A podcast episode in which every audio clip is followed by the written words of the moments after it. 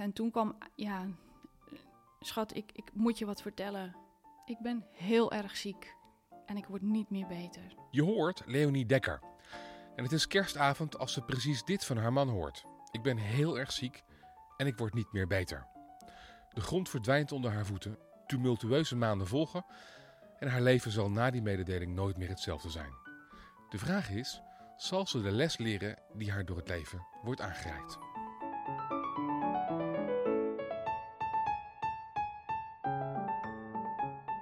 Je luistert naar Podcast Ui, de plek waar we schilverschillend leven afbellen en met de snippers van die ui het hele leven op smaak brengen. Mijn naam is Basti Baroncini en in elke aflevering praat ik met iemand die naar de hel ging, maar ook weer terugkwam met prachtige levenslessen. Aan hem of haar stel ik de vraag: welk licht vond jij in het donker? Goed, Leonie Dekker dus. Haar verhaal gaat over volwassenwording, over grenzen aangeven en jezelf leren kennen, over sterven en over opvoeden. Maar het verhaal begint bij dat allereerste moment, bij die ene boodschap. Dat beroemde moment waarop het leven op de deur klopt en je uitnodigt om levenslessen te komen leren. Leonie begint te vertellen op dat moment in het verhaal. Jeetje. Ja, zeg maar, de, de context is, ja, want jij zegt, schat, ik moet je wat vertellen. Maar uh, moet je voorstellen, we waren allebei 30 jaar oud en uh, we stonden midden in het leven, vol toekomstplannen. We hadden net een heel groot, mooi, vrijstand huis aan het water gebouwd. En uh, een, een hartstikke leuke baan, allebei bij de rouwbank. Twee auto's voor de deur en ik was zwanger. Ja, zwanger van een, van een zoontje. Ja, dolblij en gelukkig. En... Um, ja, ja, daar moet ik dus eigenlijk nu aan denken. Dat je zegt, schat, ja, schat omvat zoveel meer. En, en, en, en het moment, uh, wat jij bedoelt, hè, van, van schat, ik moet je wat vertellen. Ik was in ons huis en ik zat in een woonkamer. En ik, ik, ik zat aan tafel en uh, Hank was al een tijdje uh, ja, dat, dat hij zich niet goed voelde. Hij had pijn en de artsen konden de vinger er niet op leggen. Uh, onze zoon, uh, Julian, was inmiddels geboren. Hij was 4,5 maand oud. En ja, ik gaf borstvoeding. En ja, we waren eigenlijk net een weekje op vakantie geweest naar Duitsland. En ja, Hank zei op een gegeven moment van, nou weet je, ik ga toch even naar de huisarts. En de huisarts stuurde hem door naar het ziekenhuis. Want waar had hij pijn? Ja, in zijn zij. Ja. En, en, later bleek dat echt dan bij zijn lever te zijn. Mm. In zijn zij, maar ook in zijn rug. En, en, en, en, en het gekke was, de pijn in zijn rug verplaatste. Dus hij kon de vinger er ook niet op leggen. En eigenlijk de artsen ook niet. Ja, hij ging naar een chiropractor, naar een fysiotherapeut. En hij is onderzocht van, joh, je hebt een atletisch lichaam. En hé, hey, wat vreemd. Um, maar toch had hij daar zelf eigenlijk een, bleek achteraf, een onbestemd gevoel over. En um, ja, hij, hij had dus bloedonderzoeken laten doen. En toen zei hij eigenlijk zelf van, joh, kan je ook niet op kanker onderzoeken? Dat hebben ze gedaan en daar kwamen uitslagen uit. En toen werd hij opgeroepen om in het ziekenhuis te komen. En ik, ik gaf borstvoeding, zoals ik al zei. Ik was thuis met een, met, met, een baby. En uh, schat, moet ik met je mee? Uh, nee hoor, lieverd, uh, blijf jij maar thuis. En ehm, ja, de, de, artsen die denken aan nierstenen. Oké, okay, nou ja, ik voelde wel iets van, hey, klopt dat wel? Ik had de huisarts zelf nog gebeld en de assistent zei... nee hoor, we denken aan nierstenen. Nou, oké. Okay. Dus ja, eigenlijk bedoel ik eigenlijk deze inleiding van ja, het is niet zomaar van schat, ik moet je wat vertellen. Er ging veel meer aan vooraf. Dat dat wel iets voelde van ja, er is iets, maar we kunnen de vinger er niet op leggen. En de omgeving zei, maak je maar geen zorgen. Eigenlijk is het een beetje, als ik zo erover na, als een film waar je dan op de achtergrond al minutenlang een soort van kleine donder hoort. Ja, He, ja dat, dat voel je gewoon. Een soort van, er, er is iets. ja. ja. Goed, en toen? Nou, ik, ik was in de woonkamer, daar hadden we een, een, een, een grote eettafel. En de woonkamer was afgescheiden met ensuite deuren van onze keuken. En, en uh, daar hadden we ook een tafel staan. En, en Hank kwam binnen. En ja, ik, zie dat nog zo voor me. Hij kwam binnen, hij hangt zijn jas, hangt hij over de stoel. Met gebogen hoofd loopt, loopt hij richting mijn kant op. Ik spring van de stoel. Julian, hè, onze zoon, die lag in het wippertje in de woonkamer. En ik loop naar de ensuite deuren ja, daar ontmoet ik hem. En toen kwam, ja.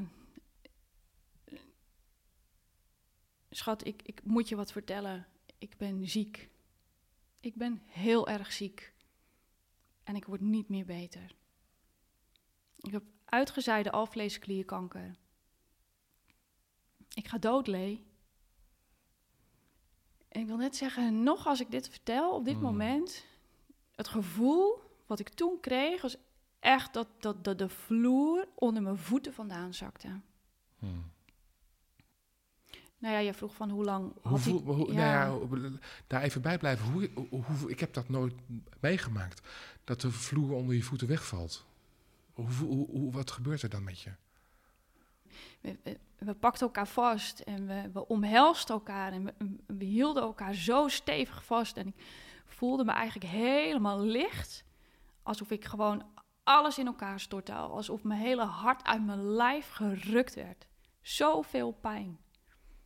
Ja, van alles, van alles ging, ging door me heen. En nog steeds raakt Ja, het je heel ja. erg. Ja. Ja. Nou, ik, ik, ik, ik ben gewoon in staat om heel goed dan in dat moment te zakken. En ehm, daar ook weer uit te stappen. Hoe lang had hij nog? Eh, de artsen, ja, die hadden toen gezegd van we verwachten dat je nog twee weken hebt. Ja. Behandeling was ook niet mogelijk. Eh, ze hadden daar gewoon protocollen voor. En zij kozen ervoor van ja, wij kiezen kwaliteit van leven en we behandelen jou niet. Dat is natuurlijk een gigantische ineens dat je van hé, hey, er is iets, maar we weten niet wat. Nou, je hebt nog twee weken. Ja, Dat is ook bijna geen, zeg maar, je moet een mentale aanpassing maken Ja. die bijna onmogelijk is. ja. Ja, maar dat, dat blijkt dus dat echt gedaan? mogelijk te zijn. Ja, Hoe heb je dat gedaan? Ja, er komt gewoon een adrenaline stoot vrij. Kijk, wij, wij, wij, wij zijn personen eh, altijd positief in het leven. Van ja, oké, wat ons nu overkomt. Maar ja, en hoe nu dan? Hè, hoe heb je dat gedaan? Ehm, ja, eigenlijk meteen geschakeld. Uh, Hank was heel, heel, heel sterk dat hij zei van ja, maar wie bepaalt voor mij dat ik niet tegen deze ziekte mag vechten? Hmm. En ehm, dus dat ging vrij snel in, in, in, in hè, kunnen we niet een traject in bij het Antonie van Leeuwenhoek? een Mag ik nog even vragen? Je krijgt deze boodschap. Ja, dan ga je slapen. S'avonds. Ja. Dan kun je niet slapen, denk ik. nee, nee. Maar je staat de dag daarna sta je weer op. En dan is er een to-do of zo. Dan, ga je, dan, dan moet er iets gebeuren. Ja, maar eigenlijk was dat meteen al. Wat heb je gedaan? Ja. Wat, wat hebben jullie gedaan? Ja, wat, wat, wat we gedaan hebben eigenlijk op dat moment... eh, in, in, een, in een split second, want, want Julian lag gewoon in die woonkamer in, als klein babytje. Het was kerstavond. En we hebben hem opgepakt. Wat Ik heb zeg je? Ja, het was kerstavond. Kerstavond. Kerstavond. Mijn hemel. Ja, we hebben hem opgepakt in de wipper. Ik heb hem naar de buurvrouw gebracht. Eigenlijk heel weinig woorden waren er nodig. Ze hebben hem aangenomen en aan tafel waren ze met de familie aan het koemetten. Ze hebben jullie al er gewoon bijgezet. Het, het, het was te veel. Ik, ik, ik was met, met, met Hank samen. En eigenlijk vrij snel eh, kwam de huisarts bij ons thuis. En toen zaten we in de keuken, aan de keukentafel. Hank zat naast mij. Is het wel een lulde behanger dat hij dan zegt over nierstenen, of niet? Ja, het was Oké, zijn dus- assistent, dus ja, ik weet niet hoe dat Oké, gaat. sorry. Ja. Dat is even een interruptie van mijn kant. Dus die Ja. huisarts die komt erbij en dan... Ja, de huisarts kwam tegenover ons zitten. Ja, en hij keek eigenlijk heel serieus. En, en wij waren nog vol ongeloof. Of al- als ik vanuit mezelf spreek, ik, was, ik had echt zoiets van... Hè? Maar dit kan niet. Dit kan niet. Mm. En, en de huisarts zei, ja, echt waar, Leonie. eh, Hank is heel erg ziek. Hier is mijn kaartje, ondanks dat het kerst is. Je mag mij altijd bellen. Het kan zijn dat hij geel gaat zien. Eh, schrik daar niet van. Eh, je mag mij altijd bellen. Ik zeg, geel zien? Geel zien? Dat is voor oude opa's. Hoe heb je die mentale aanpassing gemaakt? Nou, de mentale aanpassing. Ik, want jij vroeg net van wat gebeurt er dan als je gaat slapen? En ja, eerlijk gezegd weet ik dat niet meer. Maar ik weet nog wel dat de volgende dag. Eh, mijn schoonouders hadden een huisje in Duitsland. En we waren net een week bij hun op bezoek geweest. En ehm, mijn man had wel gebeld met, met zijn moeder. En zij kwamen eigenlijk meteen vanuit Duitsland. Zijn zij eh, naar ons huis gereden. Hun hond was ook mee. En eh, ja, zij kwamen bij ons in huis. En ehm, Je schoonouders? ja, ja, ja, die zijn eigenlijk ook niet meer Gezellig. Of, ja, of niet? Maar jij vroeg natuurlijk net van ja, wat gebeurt er dan op zo'n moment? Ja, ik, ik ben gewoon echt als kapitein van mijn eigen schip afgeslagen, in een hoek gesmeten. Mijn hele toekomst viel in duigen met dit nieuws. En ik was net moeder. eh, ja, de, Hank was echt de liefde van mijn leven. En alles stond gewoon op instorten. Althans, alles was mhm. ingestort. En ehm, ja, hoe was dat? Het is me overkomen. Het is me echt overkomen. De ziekte? Of? Uh, de ziekte, ja, de ziekte. Maar ook, uh, ook, ook, ook uh, de, de hulp die je dan krijgt. Alles wat naar je toe komt, op je afkomt. Alles overkwam mij. Ja, dus eigenlijk totaal de regie kwijt. Daar gaan we het zo direct uitgebreid over hebben. Want dat is ook jouw verhaal, hè? het verhaal over de regie kwijtraken. En de regie ook want hij heeft uiteindelijk nog een half jaar geleefd. Ja, dat klopt. Uh, de regie ook weer uh, terugnemen. En daarin een, een heel groot groeiproces uh, doormaakte. Nog heel even over jou en Hank. Je zegt van, hij was de liefde van mijn leven. Ja. Als ik je toch vraag om eventjes heel eerlijk, eerlijk en zuiver te kijken naar jullie relatie. Hoe stonden jullie ten opzichte van elkaar? Stond je naast hem? Stond je achter hem? Voor hem? Onder hem? Ja, dat is een interessante vraag, omdat ik nu natuurlijk elf jaar verder ben, eh, ben en, en ook met andere ogen kan kijken. Ja, wij waren heel erg, we waren zelfs collega's en zaten tegenover elkaar aan een bureau. Dus wij waren heel erg samen, heel erg verweven.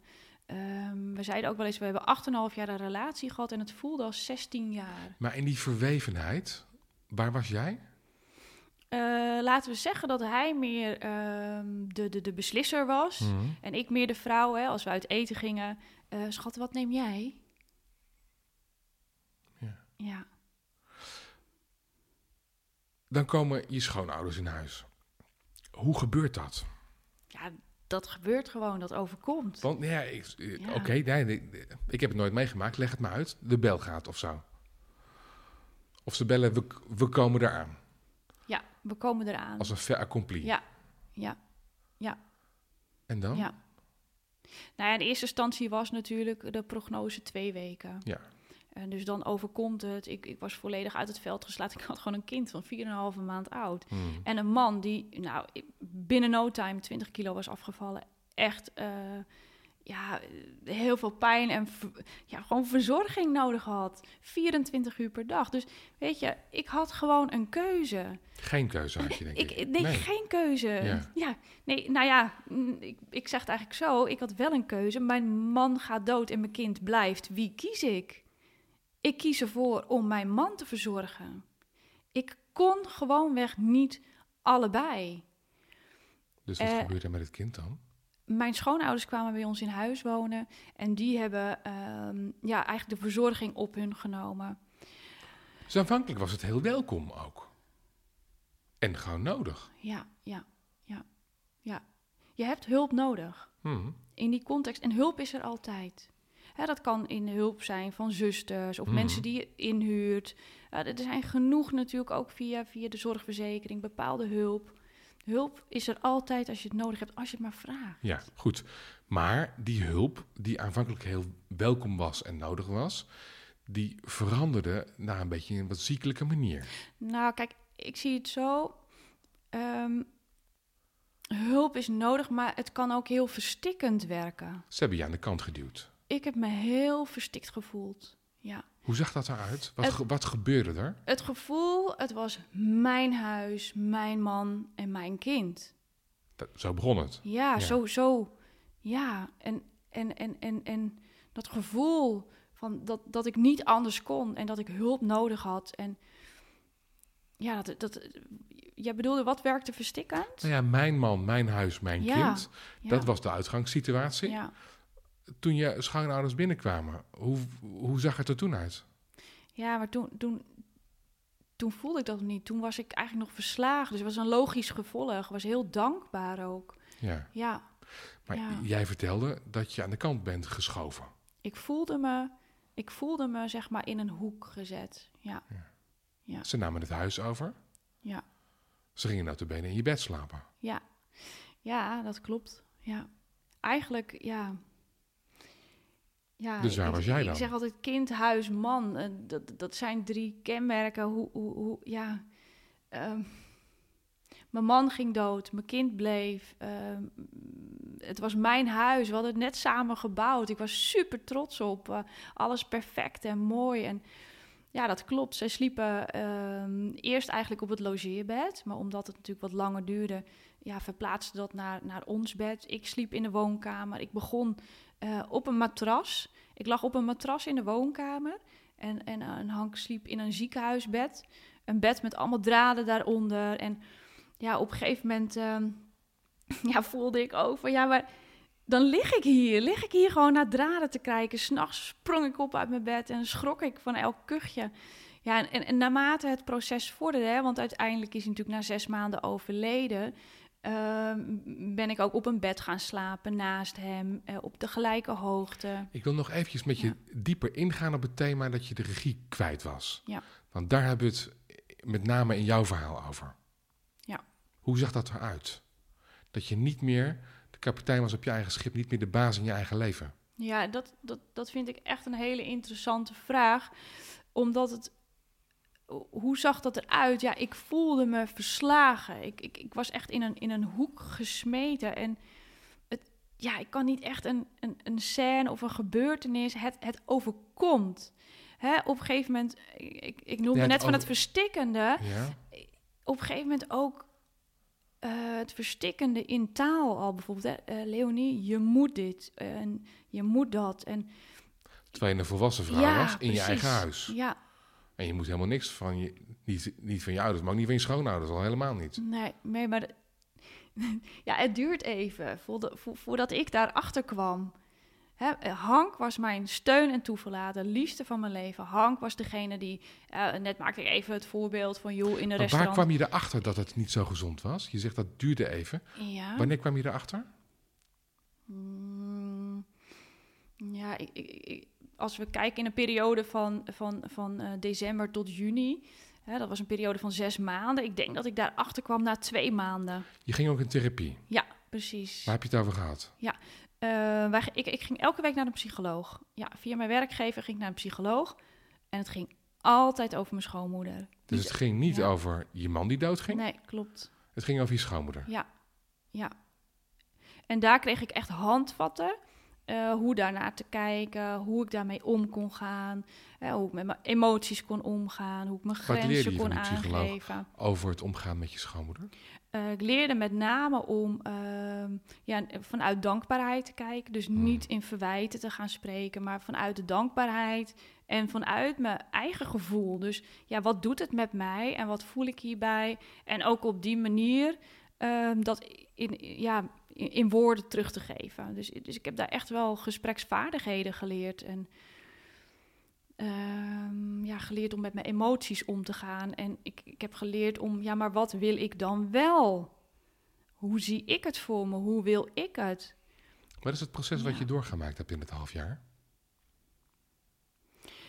Ja, ik, zeg eigenlijk alles omvattend. Het proces wat ik doorgemaakt heb, is echt gaan staan voor wat ik wil. Luisteren naar mijn hart. Want wat gebeurde er in je hart waar je naar moest luisteren?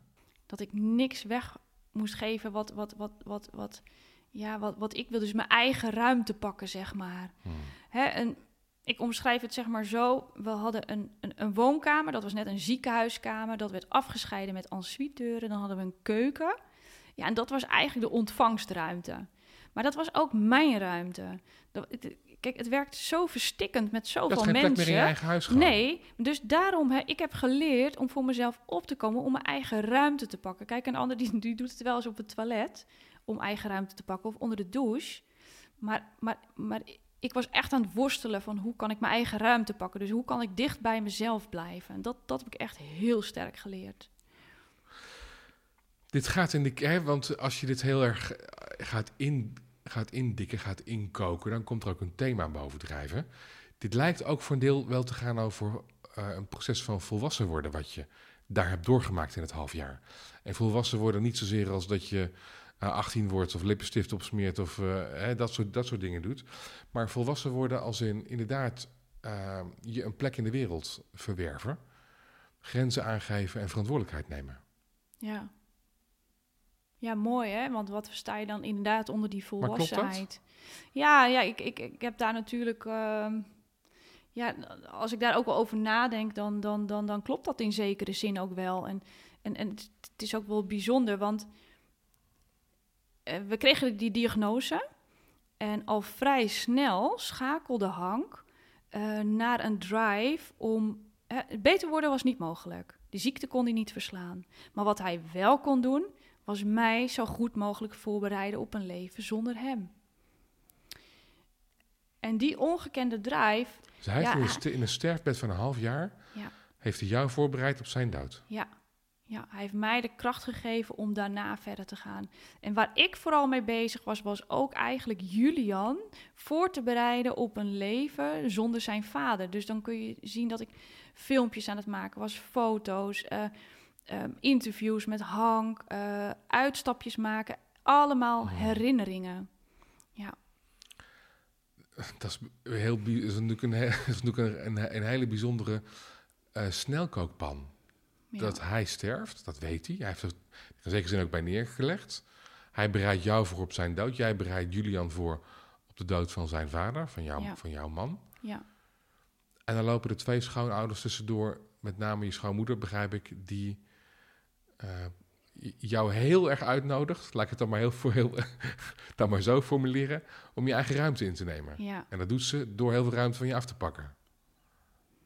Ja, lang verhaal kort. Ja, ja. Toch? Ja. Die volwassenwording, dat is natuurlijk ook wel bijzonder. Hè? Dat je, hè, je bent dertig, allebei, allebei goede banen, kind op de wereld gezet. En dat je dan nog zo'n stukje uh, doet. Ja, maar toch ervaarde ik het niet zo. Hè? ik was echt heel dankbaar voor. Want uh, ik, ik, ben ook heel trots op hoe we alles hebben gedaan. Alleen, het was gewoon fucking zwaar. Het was echt super zwaar. En uh, ik, ik ben absoluut dankbaar voor en, en ook blij mee. Maar kijk, je moet het zo zien. Een rouwproces. Kijk, hun kind gaat dood, hè. Het was mijn man, maar het is hun kind. En dat is zo anders. Wie gaat daarvoor? Het is allebei gelijk. Is het gelijk? Ja, ieder heeft recht op zijn eigen proces. Snap ik, maar wie is hierin leidend? Het was mijn huis, mijn man, mijn kind. Dus hierin leidend, uh, ja, mijn gezin. En dat, dat maakt het, denk ik, voor een andere partij gewoon heel ingewikkeld. Want zij hebben natuurlijk ook heel veel pijn, heel veel verdriet. Uh, bieden hulp, zeg maar. En ze bieden hulp. Dus zij willen helpen. Alleen dat het verstikkend voor mij werkt. Ja, maar ze hebben zich niet gedragen als gast. En jij hebt ze niet verteld dat ze gast waren. Precies, en daar gaat het. Het, is de context, eigenlijk de systemische plek. Um, maar die kan ik pas achteraf zo zien. Op dat moment heb ik echt overleefd met alle middelen die ik, die ik had. Uit wat voor gezin kom je zelf? Uh, ik, een vader, een moeder en uh, twee zusjes en, ja? uh, en een broertje. Waar opgegroeid? Ik ben opgegroeid in Horen. Oké. Ja. Leuk, gezellig. Leuk, vrijstand huis. ja, nee, het huis maakt niet zo heel veel uit. wat, gebe wat gebeurde er in het huis? Nou ja, ja, mijn moeder die kwam uit een boerengezin en mijn vader kwam uit een, een handelsfamilie. En ja, iedereen was gewoon hard aan het werk. Gewoon niet lullen, maar poetsen. Hard aan het werk, niet lullen, maar poetsen? Ja, ja, ja. En emoties? emoties? Nee hoor, nee? nee? onder het tapijt. En we hebben het er niet meer okay, over. Oké, wat werd er nagestreefd? Wat was belangrijk? status, diploma's, goed groot huis. En, Materialistisch dan in die zin? Dat is toch grappig. Je vraagt er net naar. En ik voel meteen zo'n oud patroon. Ja, hoe was het, hoe was het bij je ouders? En ik zeg groot huis. Hmm. Bijzonder. Dat, hmm. dat ik ook nu, zoveel jaren later, daar dan toch weer ja, even inval. Ja. Maar als je het over gezelligheid, die zocht ik altijd buiten de deur. Gezelligheid buiten de deur? Ja. Liefde? Ja. Ook? Ook. Buiten de deur? Ja. ja. ja. Waar was de liefde in het gezin? Ja, daar moet ik al te lang over nadenken. Ja.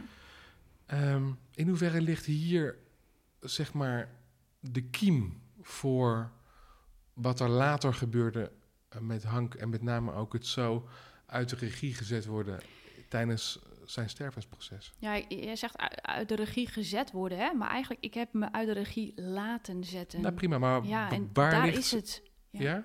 Waar ligt het?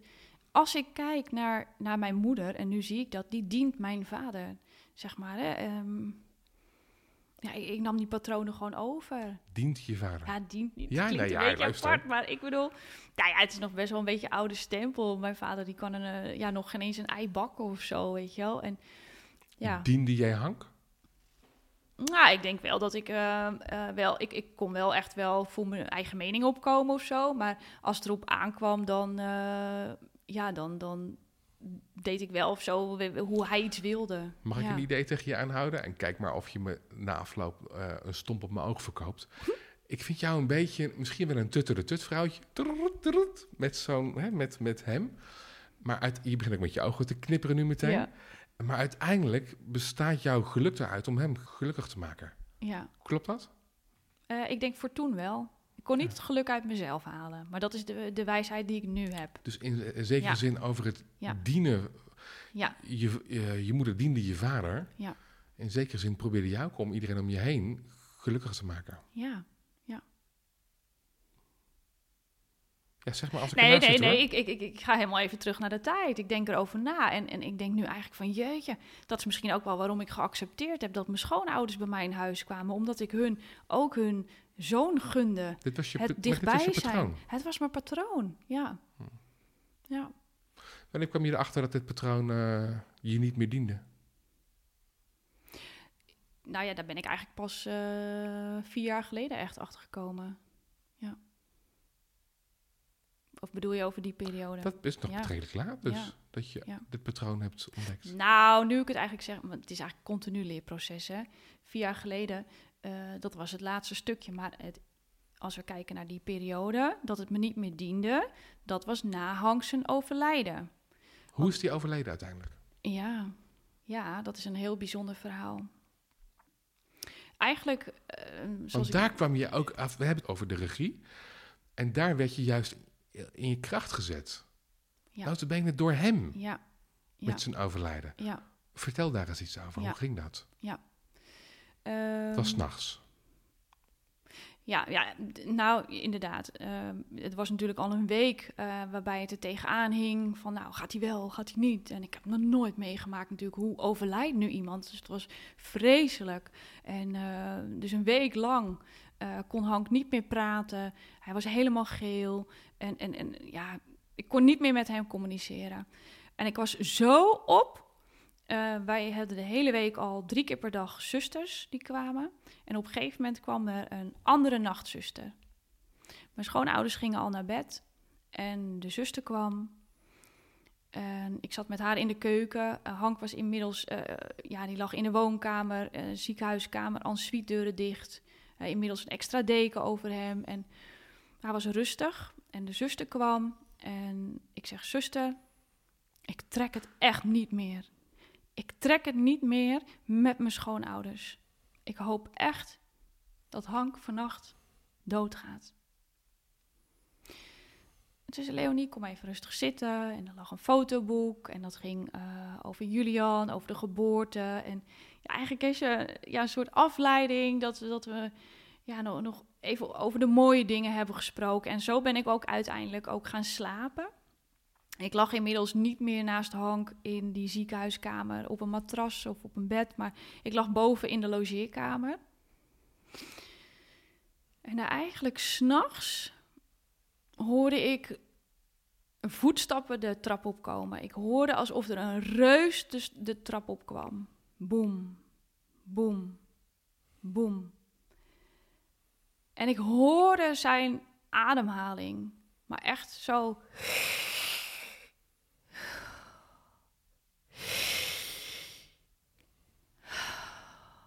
En ik liep naar beneden, een beetje verward.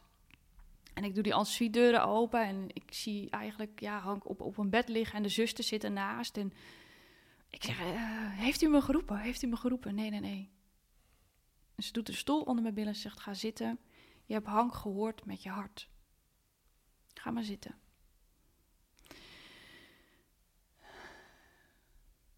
En toen ben ik naast hem gaan zitten. En ik heb zijn hand gepakt. En ik ben eigenlijk met hem mee gaan ademen. Ik ben met hem mee gaan ademen. Ik, ik mijn schoonmoeder had me al wel voorbereid door en verteld van Leonie, op een gegeven moment heb je een stokkingademhaling en die gaat naar andere niveaus. Ik had geen idee, maar op dat moment voelde ik gewoon, ik, ik ga met jou meeademen. En ik ging daarin en ik, en ik deed een neurietje. En dat was precies dezelfde neurie uh, als, als toen ik eigenlijk aan het bevallen was van Julian. En ik had zijn hand vast en ik neurie met hem mee. En steeds dieper zakte hij in die ademhaling. Ja, en toen, toen bereikte ik eigenlijk een punt dat, eh, ja, dat, dat ik zo dacht... Oh, oh, zuster, zuster, moeten mijn schoonouders hier niet bij zijn? En ja, ze zei... ja. Ja, ze zei nee hoor, blijf maar zitten. Ja, en, en, en, en zo... Het raakt me ook echt als je dat zegt. Dat hij riep jou. Ja. Je kwam, je hielp hem eigenlijk met overgaan, denk ik. Ja. En je, je, neigde nog weer in het oude patroon te vallen. Moeten mijn schoonouders hier niet bij zijn? Nee, dit, deze is van jou. Ja. Wat, en dat is zo mooi, hè? Want, hmm. want, want nu raakt het me ook. Weet je, hier kreeg ik van Hank het antwoord. Hij heeft mij gekozen. En, en, en, en, en dat, dat, en want daarna, zeg maar, hè, ik zei, moeten ze er dan niet bij zijn? En ze zegt nee. En ja, we, we ademden zo samen door. En op een gegeven moment kwamen ze beneden en hun hond ging heel erg heen en weer rennen. Helemaal heen en weer rennen. En, en zijn vader ging hem nog snel uitlaten. En uh, toen kwamen ze terug. En, en, ik zat aan de ene kant van het bed naast Hank en ik had zijn hand vast. Mijn schoonvader aan de overkant van mij. En daarnaast stond mijn schoonmoeder. Ik had zijn hand vast. En hij keek me aan met zijn diep donkere bruine ogen. En we konden gewoon praten met onze blik. Hij keek me aan. En hij zegt: Sorry, Lee, maar ik kan niet anders. En op dat moment keek hij naar het einde van zijn bed. Echt waar, Basti. ik ben super. Uh, ik geloof je. Ja, Oké, daar stonden drie schimmen. Daar stonden drie mensen. Die zag jij of die ja, zag die hij? zag ik. Die zag jij? Ook. En hij, hij kijkt, hij kijkt terug naar mij, hij kijkt me aan. En ik zeg, het is goed zo. Ga maar met ze mee. Hoe zagen ze eruit? Mag ik dat vragen? Uh, hij kneep in mijn hand. Mhm. En toen ging hij ik, ik, ik, ik heb zeg maar, ja, je, je, mag het vragen, maar ik probeer zo vaak, en net als nu, terug te gaan naar het beeld. Maar ik, ik, ik zie alleen schimmen, zeg maar. het is grijs, wit, een contour. groot en twee kleinere, ja. Een groot en twee ja, kleinere. Ja, ja. En hij ging, hij ging mee? Ja. Nee, we hebben de deuren opengezet en ik voelde echt letterlijk, zeg maar, zijn ziel naar buiten gaan we hadden daar uh, ja, net de tuin aangelegd en twee mooie uh, dakplatanen van die bomen met die bladeren. En, ja, ja, ze ziel, het ging gewoon het huis uit. En Julian lag nog te slapen en ik, ik ben naar boven gegaan. Ik heb hem uit zijn ledikantje gehaald en op mijn arm naar beneden meegenomen. Ja, en wat er toen gebeurde was echt zo bijzonder. Hij ging zwaaien. Uh, Julian. ging zwaaien. Oh, serieus? Ja. Nou, ik ben naar buiten gegaan. En ik stond buiten en mijn buren die stonden, we ontmoetten elkaar bij het hek. En uh, ja, ik liet een hele, hele diepe zucht. Echt een zucht van verlichting. Ja, je schoonouders zijn toen...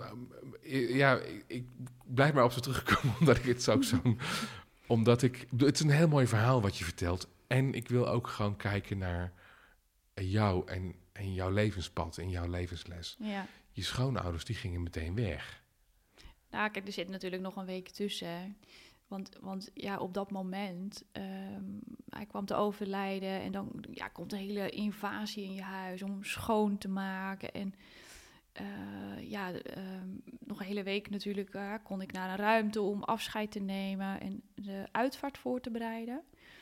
En um, ja, toen de crematie van hem was geweest, uh, ja, daarna hebben ze eigenlijk gezegd van nou, ehm, wij hebben besloten, ja, het is nooit een goed moment om weg te gaan, maar wij gaan nu terug naar ons eigen huis. Ja. En hoe was dat? Ja, eigenlijk gewoon echt weer in een uh, ja, zwart gat. Ja. ja, daar zat ik dan als weduwe, jonge moeder, uh, ja, met een kind van bijna één. Ja, man overleden. Een week later uh, ga je schoonouders ook naar huis. Ja. Was je volwassen inmiddels?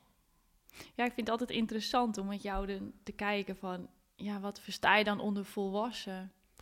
Was je gegroeid? Kon je op je eigen benen staan op dat moment? Um, of ging je weer onderuit? Nou... Zonder oordeel verder, hè? Ja, ja, ja, ja, ja. Um, nou, ik, ik ben eigenlijk om de zes weken op vakantie gegaan. Uh, omdat ik gewoon weg wilde. Um, vluchten? Ja, vluchten. Achteraf gezien dan, hè. Hmm. Ik had het ook gewoon nodig. En ik, ik, ik merkte ook dat ik uh, op een gegeven moment in de zomer was dat, hè, want er was Tour de France en het WK. En Hank hield zich heel erg vast aan uh, het WK, aan de wedstrijden. En ja, we keken dat nog vanuit zijn ziekenhuisbed en had een poeltje gemaakt. En uh, ja, die WK-wedstrijden, het was nog niet af. De Tour de France moest nog be beginnen. En toen zat ik daar alleen, helemaal alleen. Ja, en toen ben ik uh, rosé gaan drinken. Ik, ik, ik, dronk elke dag een fles rosé. Ik sliep met alle lichten aan. Uh, ik, ik was zo, zo bang. En uh, ja, op een gegeven moment heb ik tegen mijn jongste zusje heb ik gezegd van... nou, ik zeg, dat gaat niet goed met mij hoor. En uh, ik drink elke dag een, eh, een, fles wijn en ik slaap met de lichten aan. En uh, ja, toen is ze bij mij in huis gekomen. Ja. ja. En nieuw iemand in huis? Ja. Om?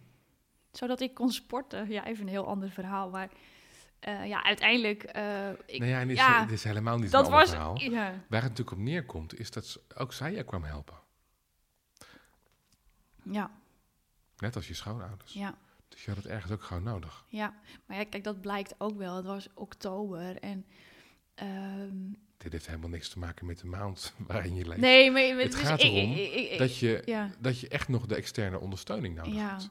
Maar wat, wat, wat ik eigenlijk bedoel, want ik zie nu een hele tijdlijn voor me als we hierover praten. En ik bedoel, eh, in oktober ging ik ook naar mijn werkgever. Dat ik zei van, joh, mag ik alsjeblieft weer aan het werk? Dan is alles weer normaal. Hmm. Ja, dus Wanneer, of zeg maar, hoe heb je die regie teruggepakt? Want dat is een soort van, dat is een soort van rode draad in alles. Ja. Regie pakken over je eigen leven, verantwoordelijkheid nemen, uh, volwassen worden, hè? Dat, dat, dat, daar hebben we het dan eigenlijk over. Uh, je zus kwam bij je in huis. Op, op, welk moment heb je gezegd: nee, dit is mijn leven? Of is dat meer een geleidelijk proces? Ik wil net zeggen, het is een geleidelijk proces. Want eerder uh, stelde je me deze vraag ook. En toen zei ik eigenlijk meteen uh, vier jaar geleden. Maar dat is niet waar. Het is toen al begonnen. Want. Um, Met hele kleine ik, stapjes dus Ja, want ik merkte dat mijn schoonouders hadden een heel ander rouwproces dan ik. En we konden elkaar niet helpen. Dus ik heb toen al hè, nadat Hank was overleden, heb ik eigenlijk tegen hun gezegd van jongens, jullie blijven altijd de opa en oma van Julian, maar jullie hebben een ander proces dan ik. En ik wil jullie een half jaar niet zien. En vertrouw erop dat daarna, hè, dan pakken we het weer op. Is dat gebeurd? Ja. Ja. Hoe is je band nu met ze? Ja, maar daar zit nog weer elf jaar tussen. Hmm. Ehm, dus ja, hoe, hoe de band nu met ze is. Kijk, het zijn Julianse opa en oma. Hmm. En dat zullen ze altijd blijven. Um, maar wij zitten gewoon op een heel andere lijn. Eigenlijk is mijn leven is doorgegaan. Uh, ik ben nou echt uh, ja, heel diep gegaan in, in, in, mijn ontwikkeling van... Ja, waarom doe ik zoals ik doe? En waar komt het vandaan? En mijn patronen, mijn jeugd. Alles, alles heb ik aangepakt. Ja, dus ik voel hem een beetje aankomen. Ja. Jij bent veranderd. Precies. Zij niet. Precies. Dus het gat wordt groter. Ja. Wordt de, eh, de verbinding daarmee ook minder? Ja, de verbinding is eh, van vanuit mijn kant... Uh, ja, nu, nu is te veel gebeurd waarbij ik echt zeg, dit accepteer ik niet. Ik accepteer dit niet. En uh, jullie hebben jouw, jullie proces. Julian zal altijd jullie kleinzoon blijven. En ehm, ja, ik, ik moet Julian ook beschermen. Kijk, het is natuurlijk een heel ander proces. Hun zoon is dood. Ik denk dat je daar nooit meer overheen komt. Dat, ja, maar dat, ja. dan moet ik hun interview. Maar ik, ik, praat, Precies. ik praat nu met jou vandaag. Ja, ja. Is het lastig geweest om die ruimte weer te reclaimen, zeg maar? Om maar een mooi Nou, Nederlands eh, woord te kijk, gebruiken. persoonlijke ontwikkeling is gewoon niet makkelijk. Dus Hmm. nee, natuurlijk, het is een continu proces. Maar ehm, ehm, het Dit- raakt me nu niet meer, Ja, zeg maar. Dat is het verschil. Dit, Ja. pa- dit patroon van ruimte nemen voor jezelf, omdat Mhm. het jouw leven is en omdat jij ook gewoon je eigen eh, behoeftes hebt. Of proberen een, het een ander naar de zin te maken. Je hebt nu weer een nieuwe partner. Ja. Ja. Waar steekt dit, dit oude, venijnige patroon misschien wel nog de hoek om? Ja, ik vind het een interessante vraag. En ik moet ook heel erg hard nadenken. Omdat ik echt het gevoel heb dat dat, dat nu misschien in kleine details, maar echt niet meer zo, zo, zo Ben je nog aan het pleasen?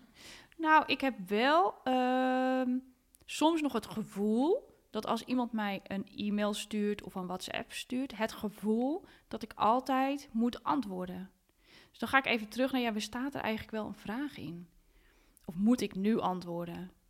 En, en dat heeft in zekere zin wel mee te maken met een ander naar het zin maken. Maar in zeker, ja. Ja, Nou goed, dit is nog een laatste residu dan. ja. Maar je bent niet meer bezig om een ander blij te maken ten koste van jezelf. Nee, absoluut niet. Nee. Je bent gegroeid als mens, als vrouw, ook als moeder, hierdoor. Ja, zeker. Want Ehm, ja, ik, kijk nu heel erg ook veel meer vanuit de behoeften van de kinderen. En ik kan ook systemisch veel meer kijken. En ook kijken vanuit ehm, ja, hoe belangrijk herinneringen, fijne herinneringen zijn. Maar ook bepaalde kwetsbaarheid, eh, openheid, eh, dingen bespreekbaar maken. Dus ja, ook in de zin als in mijn moederschap ja, dan zou ik gewoon heel graag willen dat mijn kinderen altijd het gevoel hebben dat ze bij me terecht kunnen. Ook als het iets is van, joh, mama, ik heb dit echt niet goed gedaan. ik wil nog één laatste gedachte-experiment met je doen. En dat is, dat is misschien niet de makkelijkste van vandaag. Je krijgt vandaag te horen dat je zelf ook ziek bent Mhm. en dat je doodgaat. Ja, Nog een half jaar Ja. heb je te leven. Het thema van vandaag is de regie, verantwoordelijkheid nemen. Hè? De volwassenheid om dat te doen. Ja. Kun jij dat dan? toevallig denk ik daar dus ook wel eens over na. En nou Ja. het antwoord. Ja. ja, ik weet zeker dat ik dat kan. De regie voeren over Ja. je eigen dood. Ja. En je kinderen daarin helpen. Maar het bijzondere is ook dat ik zelf niet bang ben voor de dood. Door wat ik heb meegemaakt, heb ik ook geleerd dat er, ja, of dat, dat er meer is, zeg maar. Ik ben niet bang voor de dood. Ik, ik, ik ben niet van plan, om, maar jij stelt me nu concreet deze vraag. Ik ben niet bang voor de dood. Maar ik wil het ook niet. Dankjewel. ja, graag gedaan.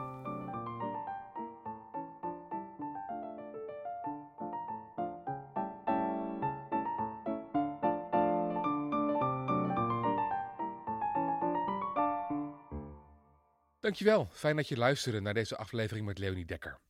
Als je deze aflevering fijn vond, mag ik je dan vragen om hem naar één of twee mensen door te sturen waarvan jij denkt dat die hem interessant zullen vinden. Zo verspreidt de mooie inhoud zich als een welkom virus en zorgen we voor een fijne verspreiding van bijzondere verhalen. Dit is trouwens de allereerste aflevering in een eh, lange tijd weer. Vanaf nu vind je vier maanden lang, elke vrijdagmorgen bij het wakker worden, een nieuwe aflevering in je favoriete podcast-app. En daarvoor is het natuurlijk wel slim om je even te abonneren. Doe dat dus.